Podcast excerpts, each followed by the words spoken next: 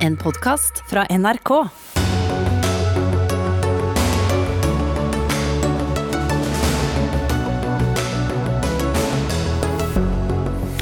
Hvorfor må ofre passe seg for overgriper og ikke omvendt? Til oss kommer en kvinne som ble utsatt for så grove overgrep fra sin tidligere samboer at han fikk 13 år i fengsel.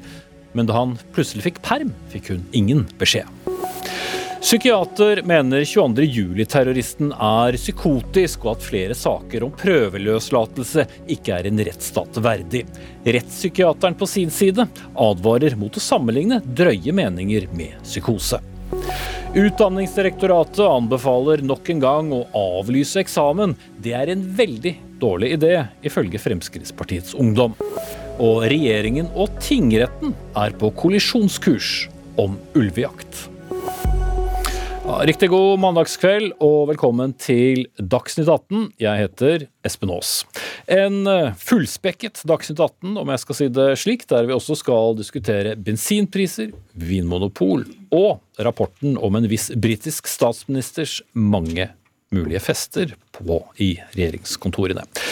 Men Først dette. Hvem skal ha størst ansvar etter en voldssak? Offeret eller overgriperen? Hvorfor vi stiller spørsmålet akkurat slik, får du vite nå. Det skal handle om det som heter omvendt voldsalarm, altså at voldsutøver, når vedkommende ikke er eh, i fengsel, får påmontert en GPS-sender, slik at politiet blir varslet eh, dersom gjerningspersonen plutselig befinner seg i et område vedkommende ikke skal være. Kine Pedersen Aamodt, du er grunnlegger av noe som heter Du eier meg ikke, som er et lavterskeltilbud eh, til folk som er utsatt for vold og overgrep. Men grunnen til at du er her, er at du også har en historie om nettopp grove overgrep. Og derfor så krever du da en økt bruk av det som vi kaller omvendt voldsalarm. Hvordan er det å ikke ha det? Eh, det er tøft, og jeg syns det er veldig eh, vondt at byrden skal ligge på de fornærmede i sakene, fremfor at eh, overgriperen selv, som har tatt det valget om å begå de kriminelle handlingene, faktisk skal bære den byrden selv. Mm. Og du har da, en, som jeg sa, en, en, en, viss erfaring med å oppleve akkurat det. Hvis du kort forklarer eh, publikum hva som hadde skjedd, og hva som skjedde nylig. Ja. Eh, jeg levde jo sammen med en samboer i ett år og åtte måneder, som utsatte meg for eh, grov vold, som påtalemyndighetene beskrev som tortur. Og 190 voldtekter er det vel som står i dommen. Og eh, etter jeg startet Du eier meg ikke, så får jeg jo henvendelser fra veldig, veldig mange, spesielt kvinner. Eh, som mange av de også har barn, som opplever dette. Og eh, at de må bære da en voldsalarm ofte. Mm. Og i forbindelse med din egen historie, da, bare for å presisere det også for, for publikum, så mm. fikk du plutselig vite at mannen som var dømt for alle overgrepene mot deg, mm. var ute. Mm. Det var forrige lørdag. Eh, tilfeldigvis så fikk jeg en eh, Snapchat fra en annen kvinne i saken hvor jeg var fornærma, som sender meg et brev fra fengselet om eh, at hun har blitt varslet om at han er ute. Og det brevet det har kommet frem samme dag som han faktisk har sluppet ut, da. Mm. Og du fikk bare vite om det tilfeldig fordi hun visste hvem du var, og hun sendte deg da en Snapchat. Mm. Siden 2014 så har det vært registrert over 25 000 saker om mishandling i nære relasjoner, men eh, omvendt voldsalarm er eh, lite brukt. 65 tilfeller ifølge TV 2, som har hentet inn disse tallene fra Politidirektoratet. Andreas Skjalg Unneland, du er juspolitisk talsperson i SV og sitter på Stortinget fra det partiet. Du har tatt selv eh, til orde for bruken omvendt voldsalarm. Hva konkret er det du ønsker å utfordre justisministeren justisministeren på når du stiller dette spørsmålet i Stortinget på onsdag? Det som er, viktig å si, er at uh, historien til Kine er tøft, uh, tøft, å høre, og at den dessverre ikke er unik. Dette er et stort samfunnsproblem vold mot kvinner, vold mot barn, vold i, i nære relasjoner er altfor Men, men vi går på det som vi faktisk skal snakke om, altså med omvendt voldsalarm. Ja, nå fikk man eh, en rapport i, i 2020 som eh, så på eh, hvor, eh, hvorfor blir ikke denne ordningen mer brukt enn det den blir eh, i dag.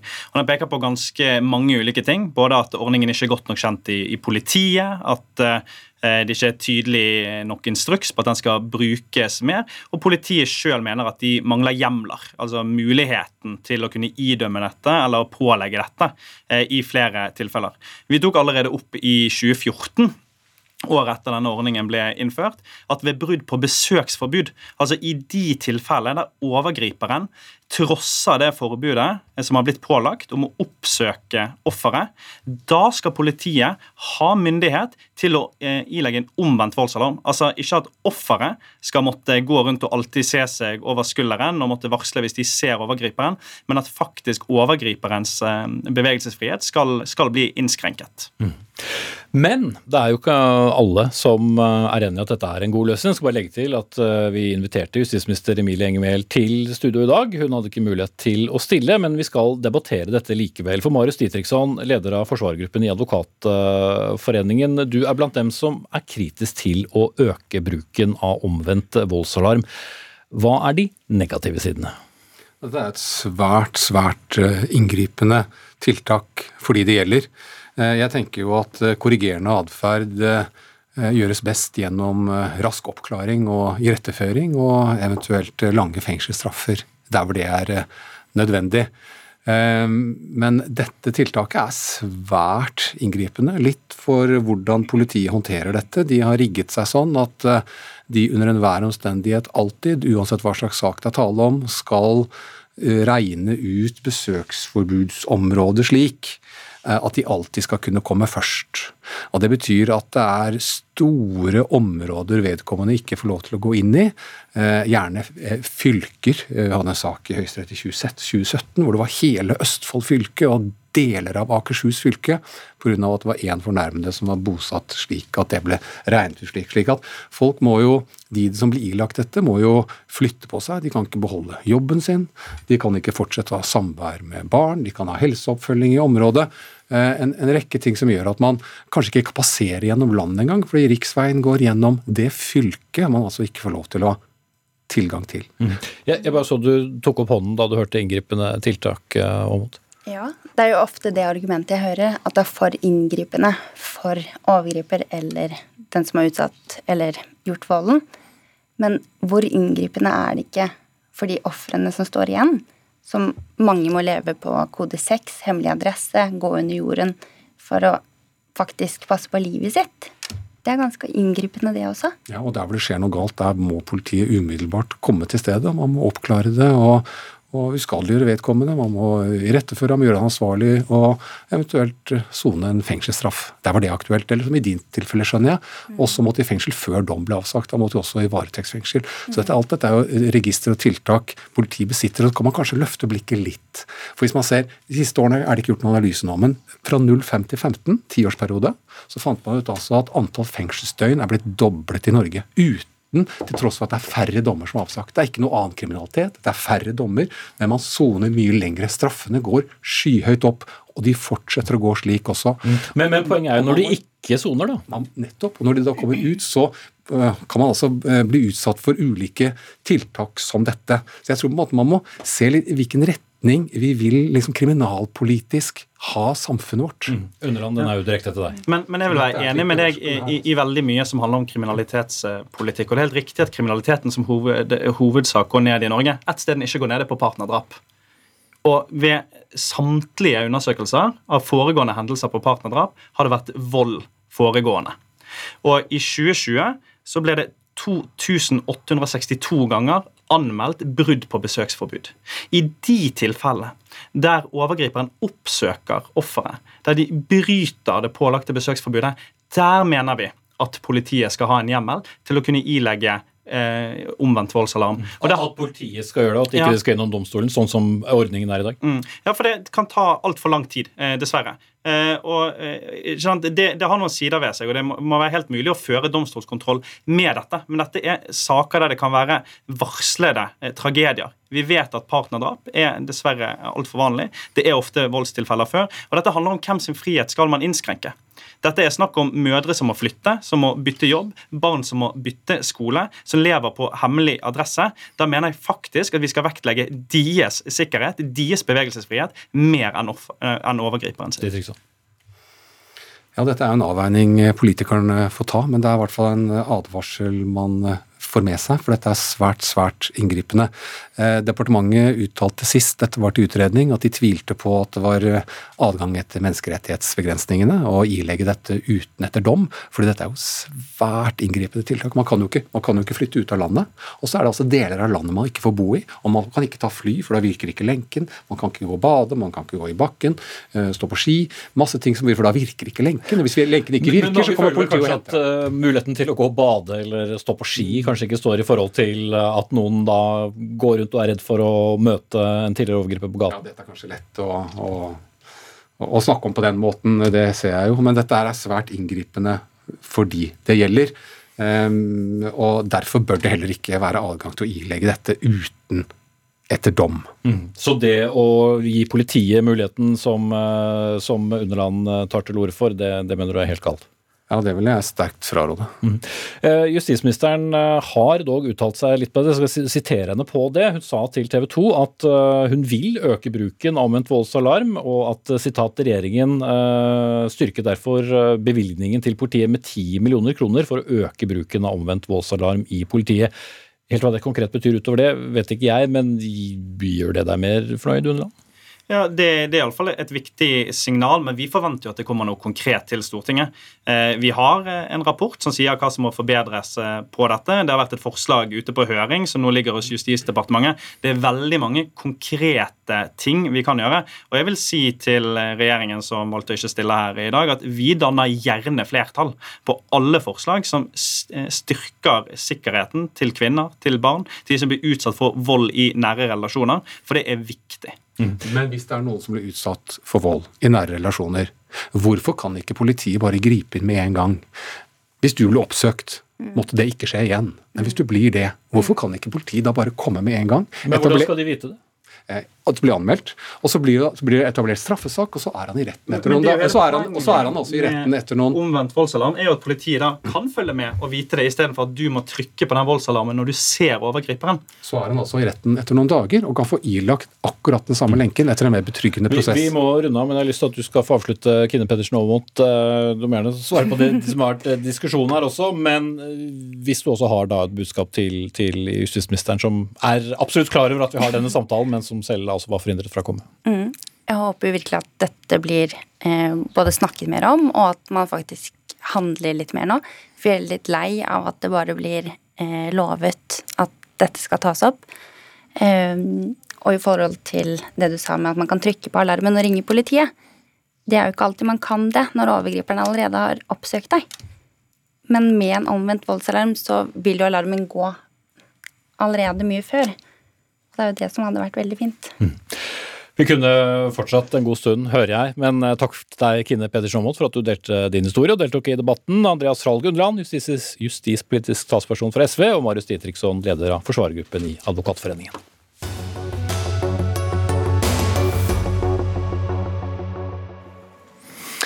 Ja, Vi skal eh, holde oss eh, til, til rettsvesen, for eh, spørsmålet om eh, 22.07-terroristen var ved sine fulle fem i retten da vi så ham der, eller om han var psykotisk.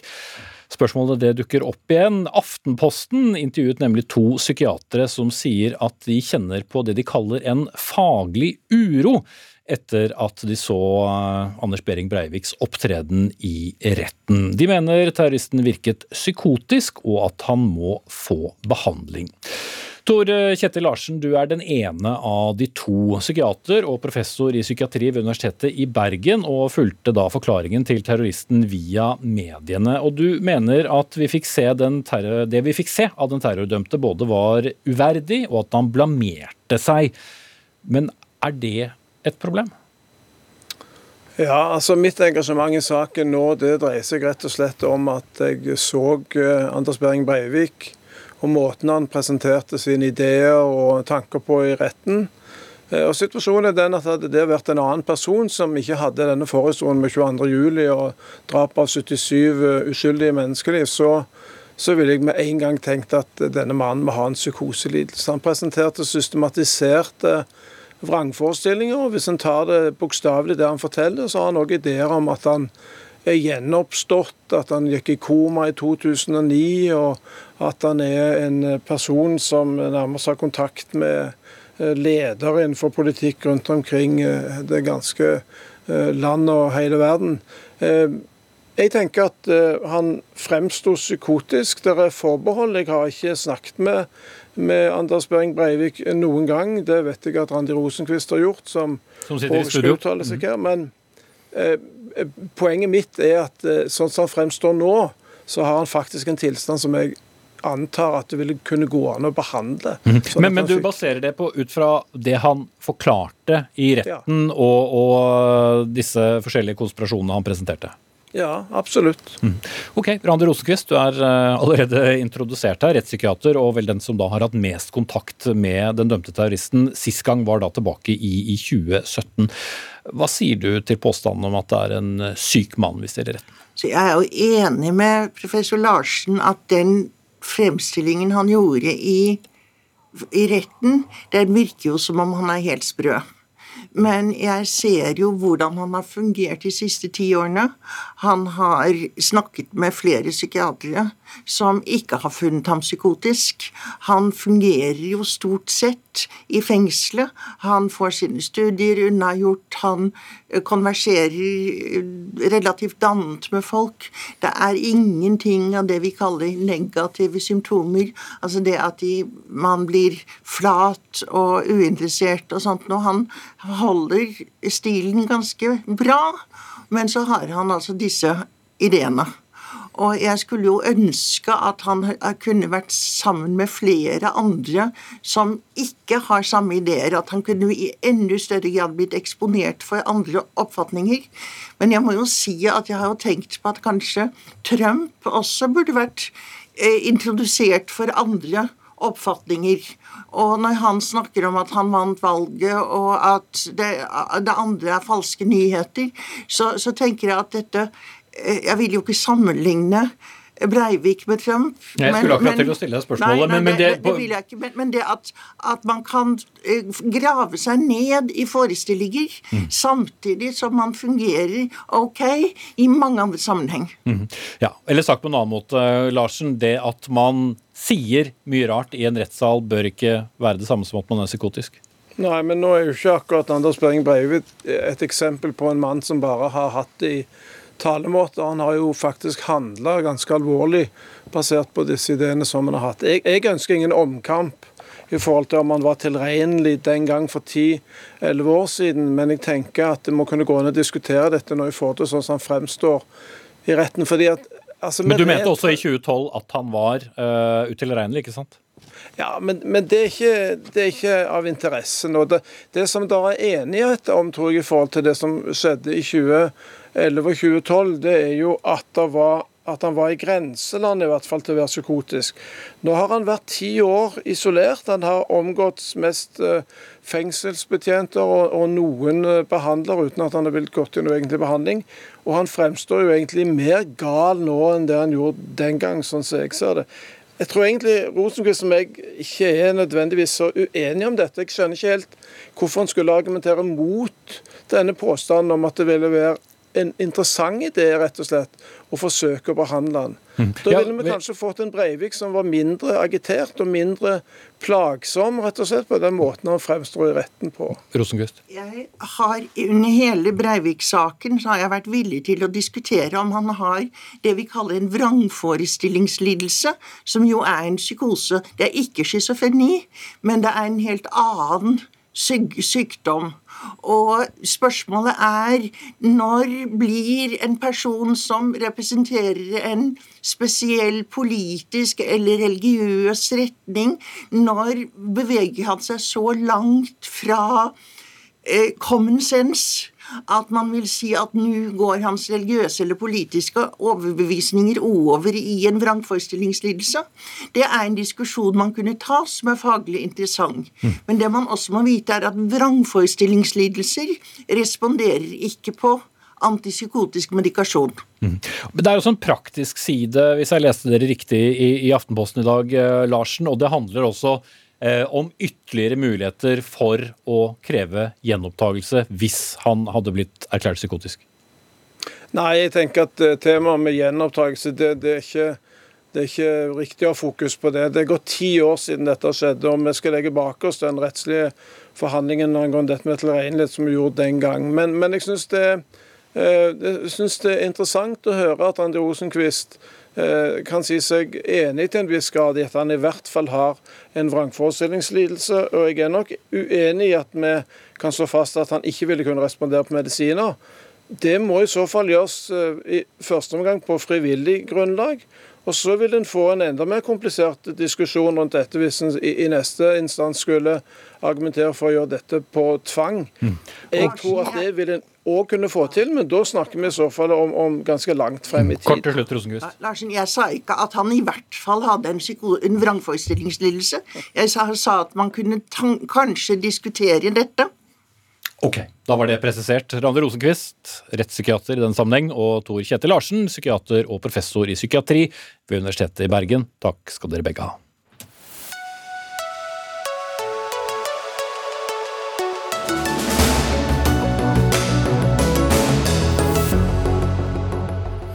Kanskje unødvendig å si det, men jeg gjør det likevel. Vi skal ha et solid temaskifte.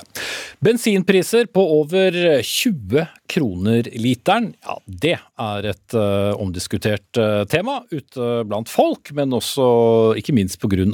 diverse, skal vi si, politiske lovnader i flere partier. Fremskrittspartiet utfordrer nå Senterpartiet, og mener partiet må ta konsekvensen av sin egen politikk, og ja, forlate regjeringen. Finansminister Trygve Slagsvold Vedum, som også er partileder, sa nylig til avisen Nasjonen at det er Solberg-regjeringens politikk med støtte fra Fremskrittspartiet som har skylden for de økte drivstoffprisene. Vi skal prøve å rydde opp. Geir Pålstad, stortingsrepresentant fra Senterpartiet. En regjering som har gått av, bærer fortsatt ansvaret for at bensinen er over 20 kroner literen? Ja, Det er jo ingen tvil om at uh, de avgiftsøkningene som var under forrige regjering, virker inn på uh, bensinprisen. Og jeg mener at en bensinpris på 20 kroner literen er altfor uh, høyt. og Derfor er jeg glad for at Arbeiderparti-Senterparti-regjeringen har i sin plattform at avgiftene på drivstoff skal reduseres. Og Det kommer vi til å prioritere i åra framover. For det er 20 kroner det går ikke an. Nei, det sa jo din parlamentariske leder Marit Arnstad også, at man kunne ikke sitte i en regjering hvis drivstoffprisene kom over 20 kroner. Nå må være presis på gjengivelsen, for det som var snakk om da, var jo en øke i eh, CO2-avgifta, som ville gjøre at eh, den steg så mye at den kom over 20 kroner. Det så en sånn øke i avgiftene vi ikke eh, ville være med. Tror du det var det etterlatte inntrykket? Nei, men eh, Vi er jo ikke så dumme i Senterpartiet at vi knytter regjeringsdeltakelsen vår til et ytre, et ytre forhold som bensinprisen eller oljeprisen. Det gjør vi ikke. Men avgiftene de er politisk bestemt, og de tar vi ansvar for. Og de er det et mål for oss å kutte. Og vi kutta sammenlignet med Solberg-regjeringa allerede i sist høst. Ok. Hans Andreas Limi, opptatt av avgifter du også, for du er jo stortingsrepresentant fra Fremskrittspartiet, som eh, vi vet. Men eh, har dere et ansvar? Nei, altså, eh, Sannheten er jo at eh, i eh, de forrige åtte årene, da Fremskrittspartiet satt i posisjon, så gikk jo avgiftene på drivstoff reelt sett ned. Eh, altså avgiftene ble redusert. Når noe blir reelt sett eh, lavere, hva, hva betyr Ja, det det? betyr egentlig at da, da korrigerer man for prisstigningen. Mm. Eh, og så gikk da drivstoffavgiftene ned med ca. 50 øre.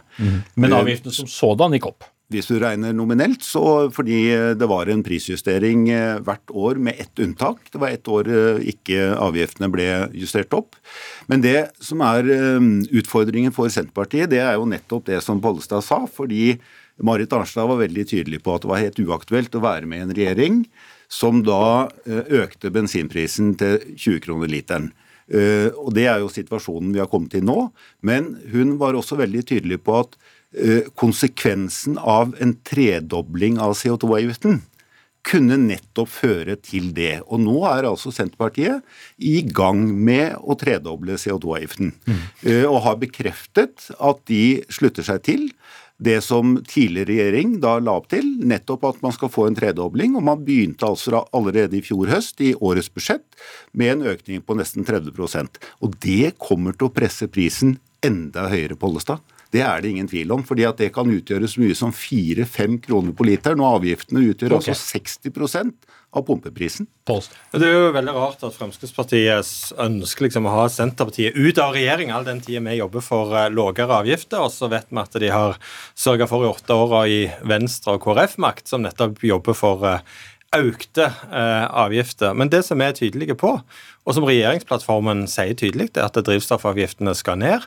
Og så vil det bli en økning i den generelle CO2-avgifta, men det må vi gjøre på en måte som ikke rammer bilistene unødvendig hardt. fordi at eh, Hvis en skulle bare legge dette på, eh, på drivstoffprisene, ja, så vil tilliten og ønsket til å være med på det grønne skiftet, den grønne omleggingen, forsvinne, og det vil være ramma veldig sosialt eh, skjevt. Derfor kan ikke en bare lempa på eh, drivstoffavgiftene. Men ett poeng som jeg synes Men der ville dere være helt enige. Men Limis problem var jo for så vidt ikke hva han og partiet mente, men det var jo hva f.eks. Venstre og, og, Høyre mener. Og litt av ditt problem eh, for din argumentasjon er vel også hva et eh, flertall vil kunne stille seg bak. Ja, uh, hvis, oversatt til Arbeiderpartiet og, og, SV, da. Vi kommer aldri til å bli så gode som Fremskrittspartiet til å gi løfte i opposisjon. Det vil aldri Senterpartiet verken ønske eller, eller greie. Men det vi skal bli bedre enn de på, det er å gjøre sikkert være uenig i det. Det å gjennomføre det når vi er i posisjon og har mulighet til å gjøre det. Og Derfor er det så bra at vi nå har en regjeringsplattform som sier at drivstoffavgiftene skal ned, og det vil vi jobbe for å gjennomføre i de kommende åra.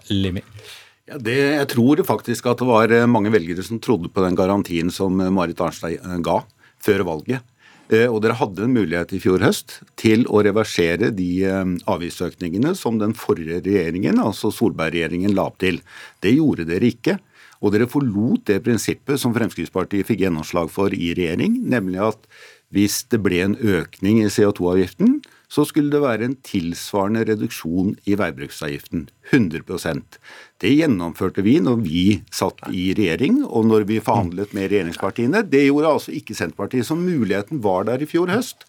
Og velgerne trodde på den garantien dere ga, og når dere ikke klarer å levere på det, selv om dere hadde muligheten, så er det, syns vi, greit å si at Mange kanskje man da burde ombestemme seg og gå ut av regjering, fordi man klarer ikke å levere på løftene. Det tror jeg at det ikke kommer til å skje, ut fra hva Pollestad sa innledningsvis. Mange som sitter og ser på og hører på og lurer kanskje på hvorfor dere er så opptatt av bensinpriser når færre og færre bilister kjører bil? Jo, fordi det er, det er fortsatt veldig mange som uh, kjører bil. Uh, og det som kan være litt sånn interessant da, når uh, når bensinprisene er så høye, det er vi for å se om, om de som måtte ønske en kraftig økning i CO2-avgift, om de har rett eller feil. Eh, for jeg tror nemlig ikke at folk i Norge driver og kjører rundt for moro skyld. Folk må kjøre på fotballtrening, de må på jobben. Enten avgiftene er, eller prisen er sånn eller sånn. Kanskje de dropper og, noen unødvendige turer fordi Jeg tror ikke folk driver og kjører så mye unødvendig, og det er derfor vi òg styrker pendlerfradraget. Det vil være viktig å gi lavere kostnader, for vi er et mm. land som trenger bilen. Okay, og det må det politikken ta utgangspunkt i. Men hvis du kan si veldig kort til slutt, eh, Limi, hva, når er det du, eller hva, hva slags bevis trenger du å se fra Pollestads eh, parti og regjeringspartner?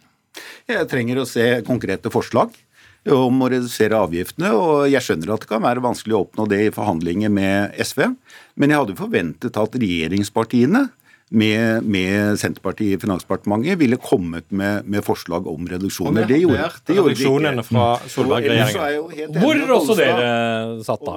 Eh, Norge trenger bilen, og spesielt de som bor i distriktene. De er avhengig av bilen, og derfor så må eh, avgiftene på bruk av bil må ned og ikke opp. Ok, Dere er eh, enige om mange ting, men høres mest uenige ut. Geir Pollestad fra Senterpartiet og Hans Arias Limi fra Fremskrittspartiet.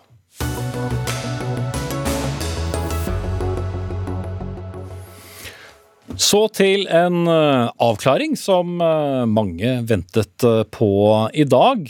Nemlig hva som Utdanningsdirektoratet kom til å anbefale når det gjelder eksamener.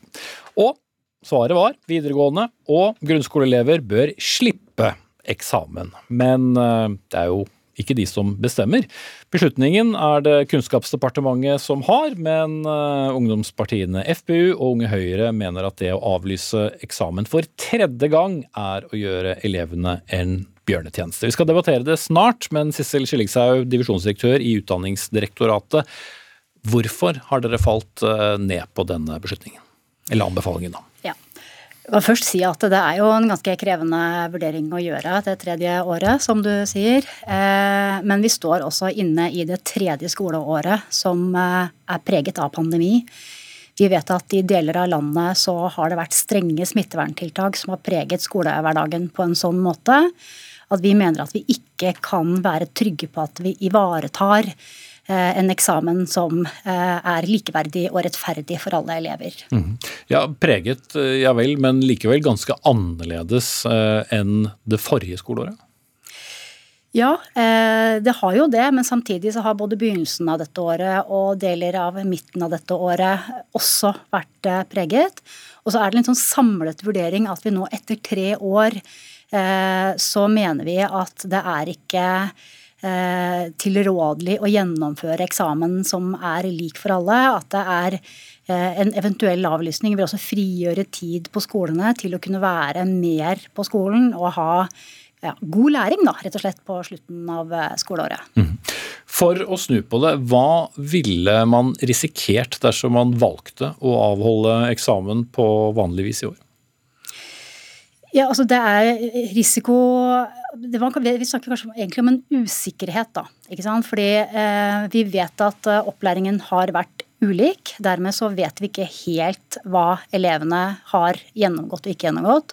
Når vi lager de sentrale eksamene, så er det med en forutsetning om at man har gjennomgått hele læreplanen. Det mener vi at vi ikke helt kan være trygge på. Mm, så er det et slags føre-var-prinsipp her, rett og slett? Ja, i hvert fall så er det å ta høyde for at eh, vi ikke kan være trygge nok på at eksamen eh, blir det vi vil at den skal være. Mm. Ok, da takker jeg deg av, Cecil Slyngshaug, divisjonsdirektør i uh, Utdanningsdirektoratet.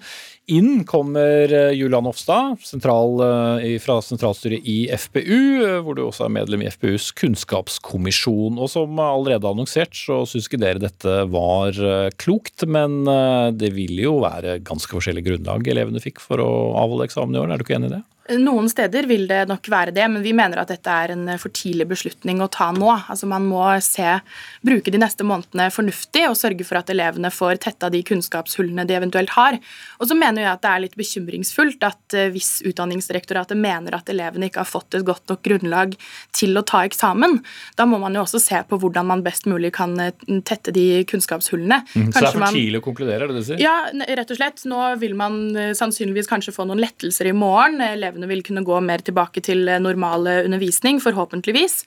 Og jeg syns jo at det er veldig rart å mene at elevene kanskje ikke har fått den undervisningen de trenger for å ta eksamen, men de har likevel fått den undervisningen de trenger for å avslutte skolegangen. Da må mm. man eventuelt gi dem noe mer undervisning, sånn at de er klare for videreutdanning.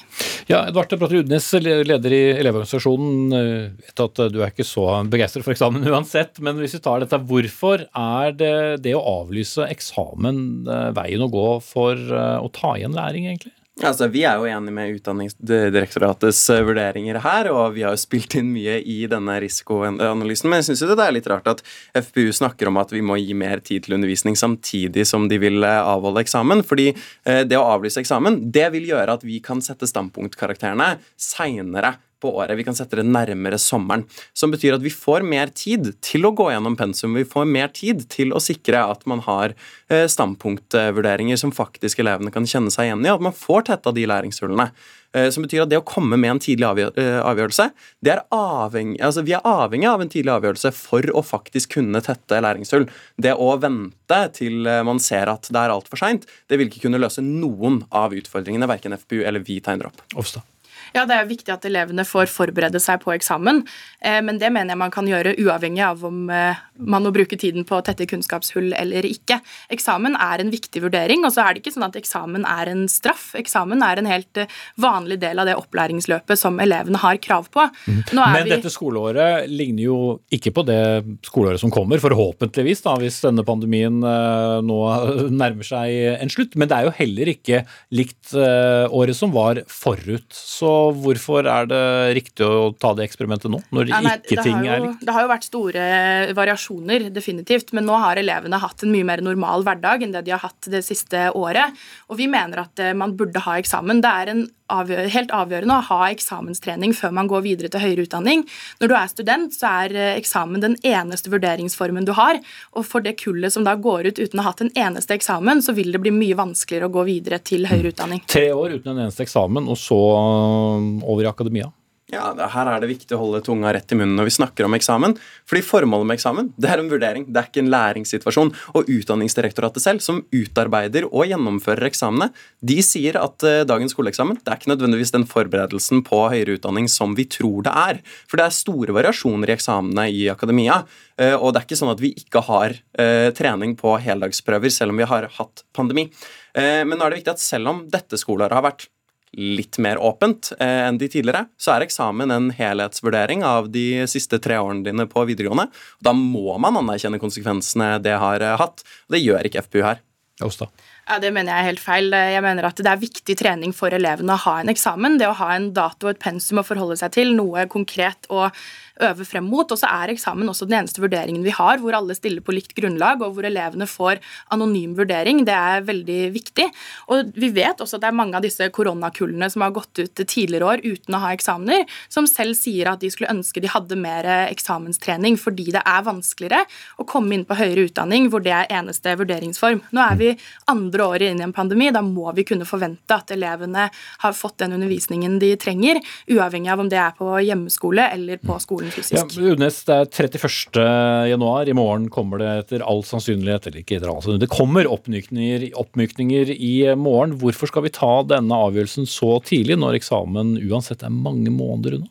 Fordi vi trenger den tiden i skolen til å faktisk kunne omlegge undervisningen og omdisponere ressursene våre til å ta igjen den tapte læringen. Eh, og eh, vi kan ikke få kjøpt to år på to måneder. Eh, vi må faktisk ta en prioritering her. Og det er ikke lett og avlyse eksamen. Det har ikke vi sagt eh, heller. Eh, og vi er helt enige med FPU om at en eksternvurdert sluttvurdering det er viktig.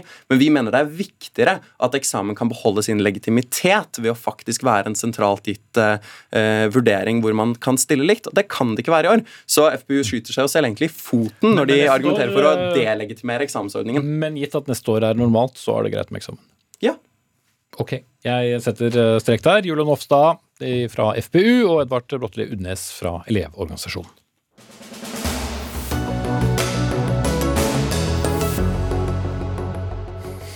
Så skal vi diskutere hva som skal skje med ulvestammene i Østfold og Innlandet, for eh, det er nå ganske usikkert. Regjeringen og Oslo tingrett er iallfall rykkende uenige om eh, den saken. Som mange sikkert fikk med seg, så stanset tingretten i helgen ulvefellingen i fire revirer Regjeringen var raskt ute med å anke dem. Jaktperioden den er fram til 15.2, altså 15 dager til. Og om jakten rekker å starte opp igjen, så det vet vi ikke nå. Men Kristian Anton Smedshaug, du er statssekretær i Klima- og miljødepartementet fra Senterpartiet. Hvorfor mener dere tingretten tar feil? Vi mener tingretten tar feil fordi det er gjort et eh, vedtak her som vi mener balanserer godt de ulike hensynene i eh, norsk rovdyrforvaltning. Altså at vi både skal ta hensyn til eh, ulven og vernet, men samtidig så skal vi hensynta de som bor i områdene og for så vidt får konsekvensene av den ulvestanden man til enhver tid har. Og dermed så mener vi har gjort det som loven sier, nemlig synliggjort at offentlige interesser av vesentlig betydning er på vår side i forhold til å vurdere denne avveiningen. Og Så sier jo retten selv at de etter en samlet og vanskelig vurdering har tvilt seg fram til standpunktet. Mm. Og Det understreker jo at det er stort rom for å gå videre med denne saken. Mm. Nå er det ikke uvanlig at en, uh, en tingrett tviler seg fram til en uh, avgjørelse heller underveis, men Ola Elvestuen, stortingsrepresentant fra Venstre, medlem av energi- og miljøkomiteen, også tidligere statsråd uh, i departementet som han nå er statssekretær i.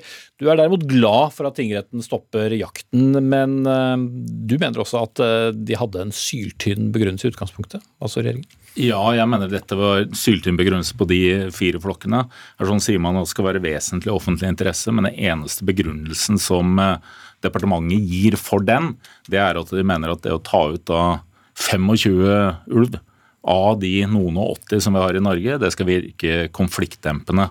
Eh, og, eh, og samtidig som de sier, selv om de tar det ut, så vil også ulv etablere seg fort igjen i de samme områdene. Og du må, altså, du må ha, Etter loven og Bernkonvensjonen så må du ha en begrunnelse for å ta ut uh, ulv. Dette er, det er, kritisk trua, det er en kritisk trua art i Norge. Jo, men Hensynet til folk, er det en syltumbegrunnelse? Ja, men dette er, Man sier at dette er for å dempe, dempe konfliktnivå, men det er jo ingenting som tilsier at det skulle, være noe, at det skulle dempe et konfliktnivå med å ta ut altså en tredjedel av bestanden som vi har i Norge, av altså en bestand som er kritisk trua, og som vi har et særlig ansvar for å, å ivareta etter Bernkonvensjonen okay, og loven i Norge. Smedshaug, øh, gjorde dere en litt dårlig jobb siden det gikk som det gjorde? Nei, Jeg syns i grunnen ikke det. Vi er jo uenig i uh, dommerens uh, skjønn uh, her. da, og Det er jo knyttet til flere ting. For det første så har vi en norsk delbestand av en felles sørskandinavisk bestand på 500 individer. Og vi har satt et bestandsmål på fire til seks ynglinger hvorav grenserevirene teller en halv. Og det er det jo helt riktig som Elvestuen sier, at det krever løpende forvaltning. Da må du innimellom kanskje ta ut 20 dyr for å holde deg innenfor det, og at det da krever en løpende forvaltning, og at du må ha da lisensfelling hvert eneste år, det er jo ikke noe overraskelse. Det er jo en del av den forvaltningen vi har. Det er den balansen vi har funnet. fordi at Norge ser sånn ut. Vi ønsker å ha distriktsbosetting, vi ønsker å prioritere uh, beiterinteresser og rovdyrinteresser. Jo, men det er da balansen kommer ut, og da er det ikke noe overraskende verken at vi må ha uttak hvert år, eller at vi har en litt annen forvaltning enn Sverige innenfor samme forståelse. Og avslutningsvis, Rømskog-flokken har jo svenskene nå skutt ut tre individer av en fellesflokk som vi var enige om å ta ut samlet, som vi da nå står på pause. Mm. Det er riktig at vi har en annen uh, forvaltning i Norge. Det, det, vi gjør, ville jo ikke vært godkjent i, etter habitatdirektivet i EU i det hele tatt, så de har et sterkere vern der. Uh, men det vi jo og legger hele begrunnelsen vår, er jo at det skal være altså en differensiert forvaltning. Dvs. Si utafor ulvesonen. Der kan det være enkelt å ta ut dyr som beveger seg der. Men nettopp derfor så må det være et strengere vern innafor ulvesonen. Og Det er det man nå ikke legger opp til, når det gjør det så enkelt å ta ut uh, ulv som departementet la opp til. Heldigvis ble det stoppa i tingretten. For det som er problemet i Norge, er at uh, flertallet på Stortinget, med Senterpartiet, Arbeiderpartiet og noen andre, har satt bestandsmålet så lavt, fire til seks ynglinger, at det, det lar seg ikke begrunne innafor loven og innafor de internasjonale forpliktelsene vi har, til å komme ned på det nivået. Mm. Men uh, for å være litt uh, konkret her, Smedshaug. Uh, hvis da vedtaket i tingretten blir stående, og at dere da ikke får medhold i anken, hva blir da konsekvensen, ut fra din argumentasjon da, om konfliktdemping? Altså I utgangspunktet så forventer jo vi da medhold i høyrettsinstans, men det skjønner jeg at vi forutsetter at vi, vi ikke, eh, ikke legger til grunn her. Da vil jo vi måtte gå gjennom og, og, se på det rammeverket, og det er jo ganske omfattende. og det blir I tillegg så blir jo det presisert i eh, paragraf 18 at det skal legges vekt på at eh, bestandsmålet som Stortinget har satt er nådd, og det er jo nådd nå. og Nettopp da skulle forvaltningen være mulig å gjøre også innenfor ulvesonen. Og så er det helt riktig som Elvestuen sier, at det skal være forskjellig forvaltning innenfor og utenfor. Og utenfor så er det jo mer eller mindre frijakt nå. Det er satt en kvote på 25 dyr, det er skutt ni. Innenfor er det stor begrensning. Ja, spørsmålet var altså konsekvensen av dersom eh, tingrettens eh, vurdering da opprettholdes, eller avgjørelse?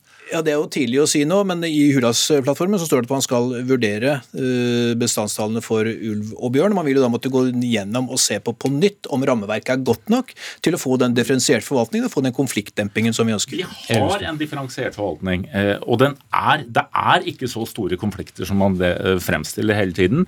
Og, dette, og du, vi skal slite med å finne endringer i lovverket. Lovverket i Norge, altså naturmangfoldsloven, er skrevet helt etter det som er Bernkonvensjonen. Det er ikke sånn at her kan du gjøre store endringer der uten at du da går på tvers av internasjonale avtaler. Du kan vel egentlig ikke gjøre noen ting.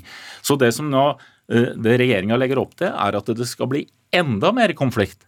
Fordi du skal også de skal senke bestandsmålet. Det vil bli enda mer strid om hvordan dette i helskap skal være mulig innenfor lovverket, for du må ha en tydelig begrunnelse. Det er ikke tap av beitedyr innenfor ulvestona. Dette er stabile flokker. Eh, og de, og de, etablerer seg. Det er veldig lite problemer mm. med de flokkene som er der. Hvis vi går tilbake til da Bern-konvensjonen, hvor vi da har påtatt oss eh, et ansvar for å beskytte ulven, eh, er det ikke da også riktig at rettssystemet er ekstra aktpågivende? Altså, vi respekterer jo selvfølgelig den skal vi si, retts- og demokratiske systemet vi har har uh, i Norge, sånn sett, og det er jo ikke noe uenighet om. Vi mener likevel at det er en feil vurdering som er gjort her. og til uh, Elvestuens uh, sak at vi har ikke store konflikter. Vi har minne om at det var store demonstrasjoner i Norge i 2016, 2017, 2018, og de største vi har sett, større enn strømdemonstrasjonene i sin tid, når de ikke ble tatt ut ulv, bl.a. med Helgesen som minister. Så her er det viktig å balansere det. Det er det denne regjeringen legger opp til. Vi har lyttet til nemndene. Vi har også tatt ned nemndenes forslag noe, nettopp for å tilpasse det og få denne balansen. Og så er det så lenge dette er ynglende og gode bestander, så vil det kreve løpende forvaltning for å nettopp få ned konfliktnivået, for å unngå at det vandrer dyr ut mm. som fører til problemer, eller at vi får store belastning innenfor sonen. Jeg må, må, sette strek der, så får vi se hva som skjer med denne enke ankesaken. Ikke enkesaken. Uh, Ola Elvestuen, stortingsrepresentant fra Venstre, og Kristian Anton Smedshaug, statssekretær i Klima- og miljødepartementet fra Senterpartiet.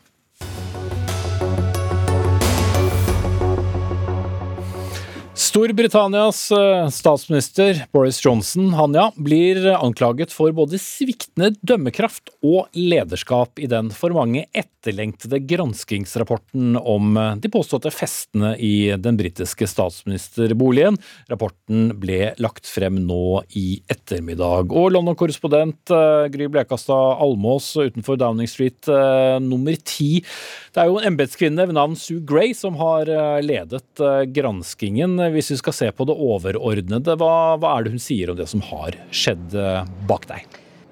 Ja, hun slår fast at det har blitt eh, eh, alvorlige feilvurderinger eh, her inne, og at det har vært et mangelfullt eller rett og slett dårlig lederskap. Hun navngir ikke Boris Johnson i denne rapporten, eller noen andre for den saks skyld, men peker på det generelle, den generelle ledelsen, at den har vært for dårlig, og at det har blitt holdt arrangementer her gjennom pandemien som ikke burde vært holdt. Og så må det sies at denne rapporten bare er et lite utdrag av alt den, eh, det granskningsarbeidet hun har gjort. Eh, vi vet nå at hun har sett på 16 konkrete arrangementer. Vi vet også at eh, politiet etterforsker 12 av disse, og det er derfor hun ikke i dag kunne gi fra seg alt materialet hun har gått igjennom. Og det er derfor Boris Johnson heller ikke kunne legge fram annet enn en overordnet og ganske kort rapport for parlamentet. Eh, det, også, det pekes på, på, flere her, men Boris Johnson var for så vidt eh, raskt ute og ba om unnskyldning og tilgivelse. Da ber han vel for tilgivelse om for deler av dette, da, men, eh, men får han det etter alle rundene som har vært i forkant av denne rapporten? Nei, Det var ingenting som tydet på at han får det fra eh, opposisjonen, og heller ikke alle av hans egne er eh, klare for å tilgi ham i det hele tatt. Det har eh, nettopp blitt avsluttet en to timer lang eh, debatt i parlamentet eh, med skyts mot Boris Johnson, som riktignok startet det hele med å beklage, eh, og også med å si at eh, det nå skal bli eh, en opprydning her i Downing Street, og at man skal restrukturere måten hele kontoret er eh, eh, styrt på. Eh, Og Boris Johnson håper jo dermed at det på en måte skal være et svar på den kritikken Sue Gray kommer med i denne rapporten. Men eh, det var flere i hans egne rekker som i dag sa at eh, de ikke syntes det var nok, som stilte masse kritiske spørsmål fremdeles. Blant annet så var det mange som ville vite om hele rapporten til Sue Gray blir lagt fram for parlamentet og offentligheten når politiet da er ferdig med sin etterforskning. Ja, for bare deler av den er jo offentliggjort. Jeg beklager nå avbrøt jeg deg, Gry, men men bare deler av rapporten ble altså offentliggjort. Ja, pga. at politiet skal gjøre seg ferdig med sin etterforskning. Og Politiet sier også nå i ettermiddag at bare eh, rett før helgen, på fredag, så mottok de 500 dokumenter og 300 bilder eh, som bevismateriale som de da skal gå igjennom. Så det kan ta tid for politiet å bli ferdig med sin etterforskning. Noe som igjen kan gjøre at eh, Boris Johnsons politiske liv forlenges eh, enda mer. Men eh, han skal møte eh, disse parlamentarikerne i det konservative partiet nå i kveld for å prøve å få eh, støtte fra mange nok av dem til at det ikke blir fremmet noe mistillitsforslag mot ham i denne omgang, i hvert fall. Så får vi se. Ja, for det er jo det overordnede spørsmålet i hele denne saken eh, eh, Gry Blekastad Almos. Hvor trygt statsminister Boris Johnson egentlig sitter, og, og hvor mange politiske liv han, han egentlig klarer eh, å ha. Men dette trekker altså ut. Det trekker ut, og analysen eh, blant mange politiske kommentatorer her er at han eh, satt veldig farlig i stolen sin i forrige uke, men at han sitter noe tryggere denne uka. Eh, og Så er da denne rapporten kommet, så nå må vi jo se og høre hva hans kolleger i parlamentet har å si til akkurat det. Men, men i og med at da ikke hele rapporten er kommet fram, og at det er mange detaljer man ennå ikke har svaret på, så kan det tyde på at eh, han vil overleve også denne runden. Takk skal du ha, Gry Blekastad Almås, med oss direkte fra Downing Street nummer ti i London. Og det hele handler jo også om fester som skjedde i nettopp Downing Street på et tidspunkt hvor det å ha fest ikke var lovlig. Det var ikke engang lov å besøke sine nærmeste.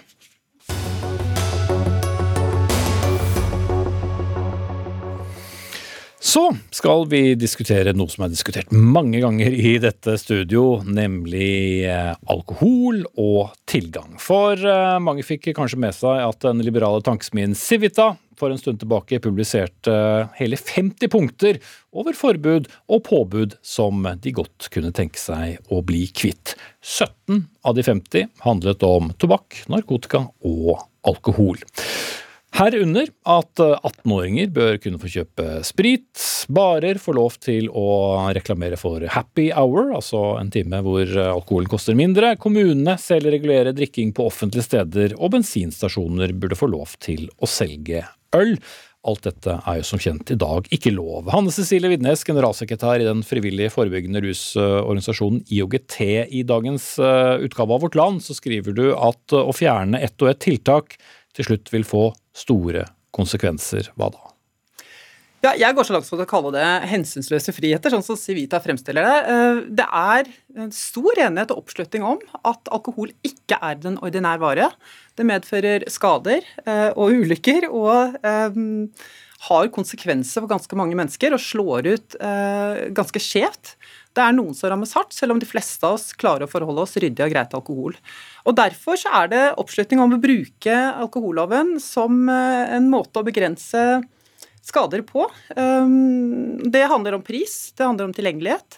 Det handler om eh, reklameforbud og aldersgrenser. Og skulle, Civitas forslag gått igjennom, sånn som de står i, i det dere har satt opp her, så ville vi stått igjen med et utvannet reklameforbud og et spritmonopol. Det ville stort sett vært det som var igjen av det vi har av Mm. tiltak for å begrense alkoholskader i dag. Men de som vil ha tak i alkohol, får vel like lett tak i alkohol i dag fordi de nettopp vil ha tak i alkohol, eller?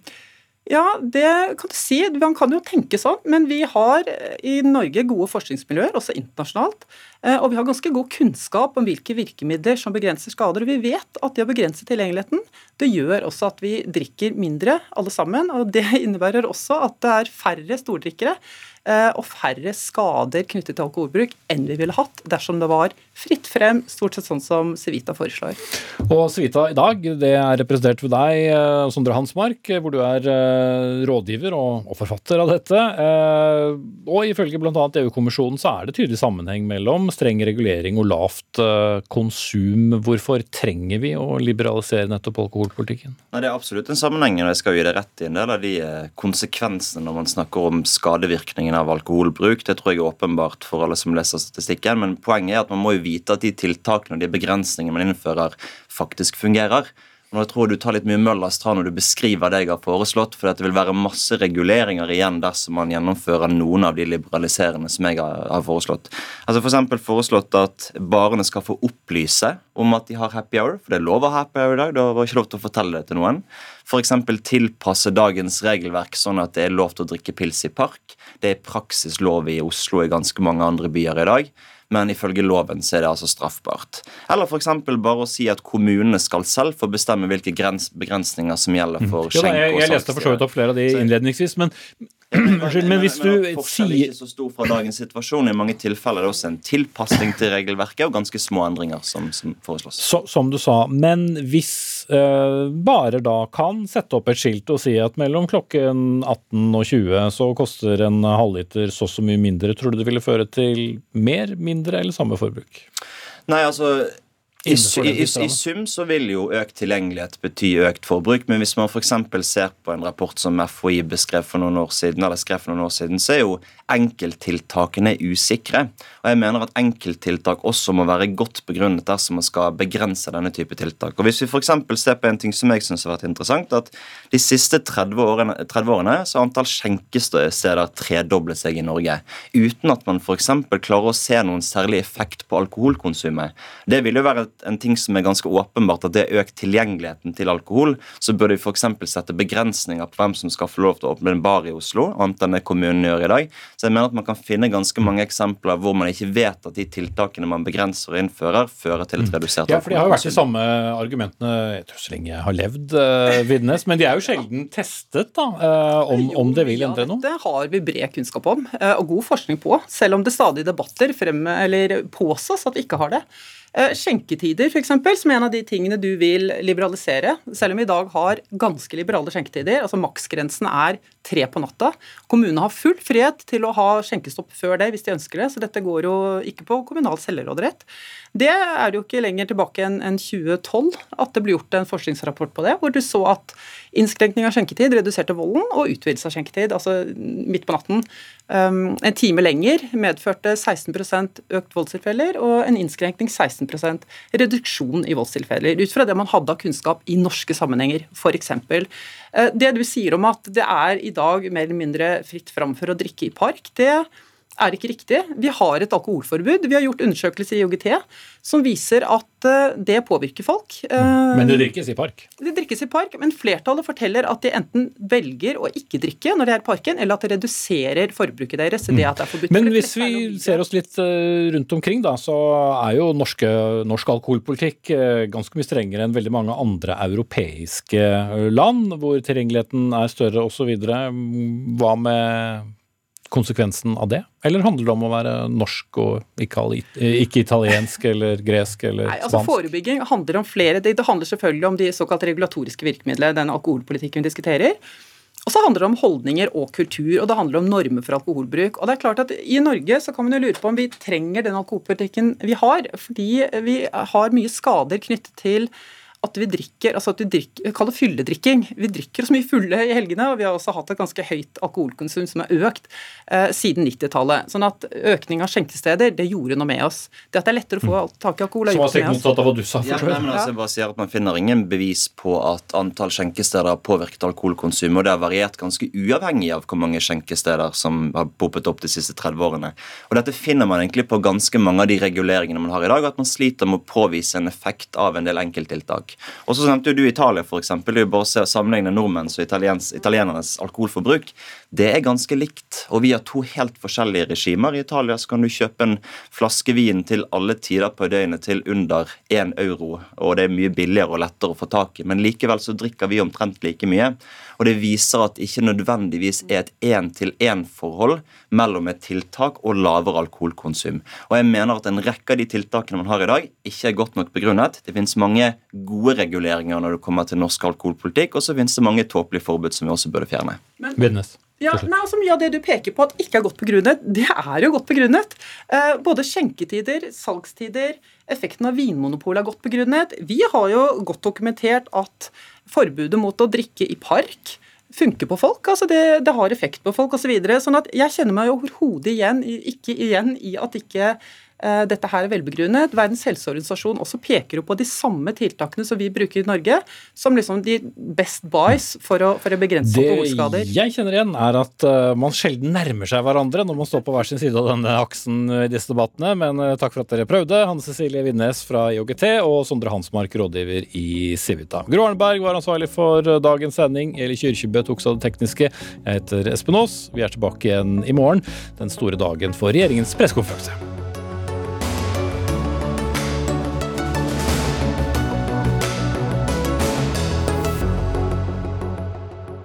Du har hørt en podkast fra NRK. Hør flere podkaster og din NRK-kanal i appen NRK Radio.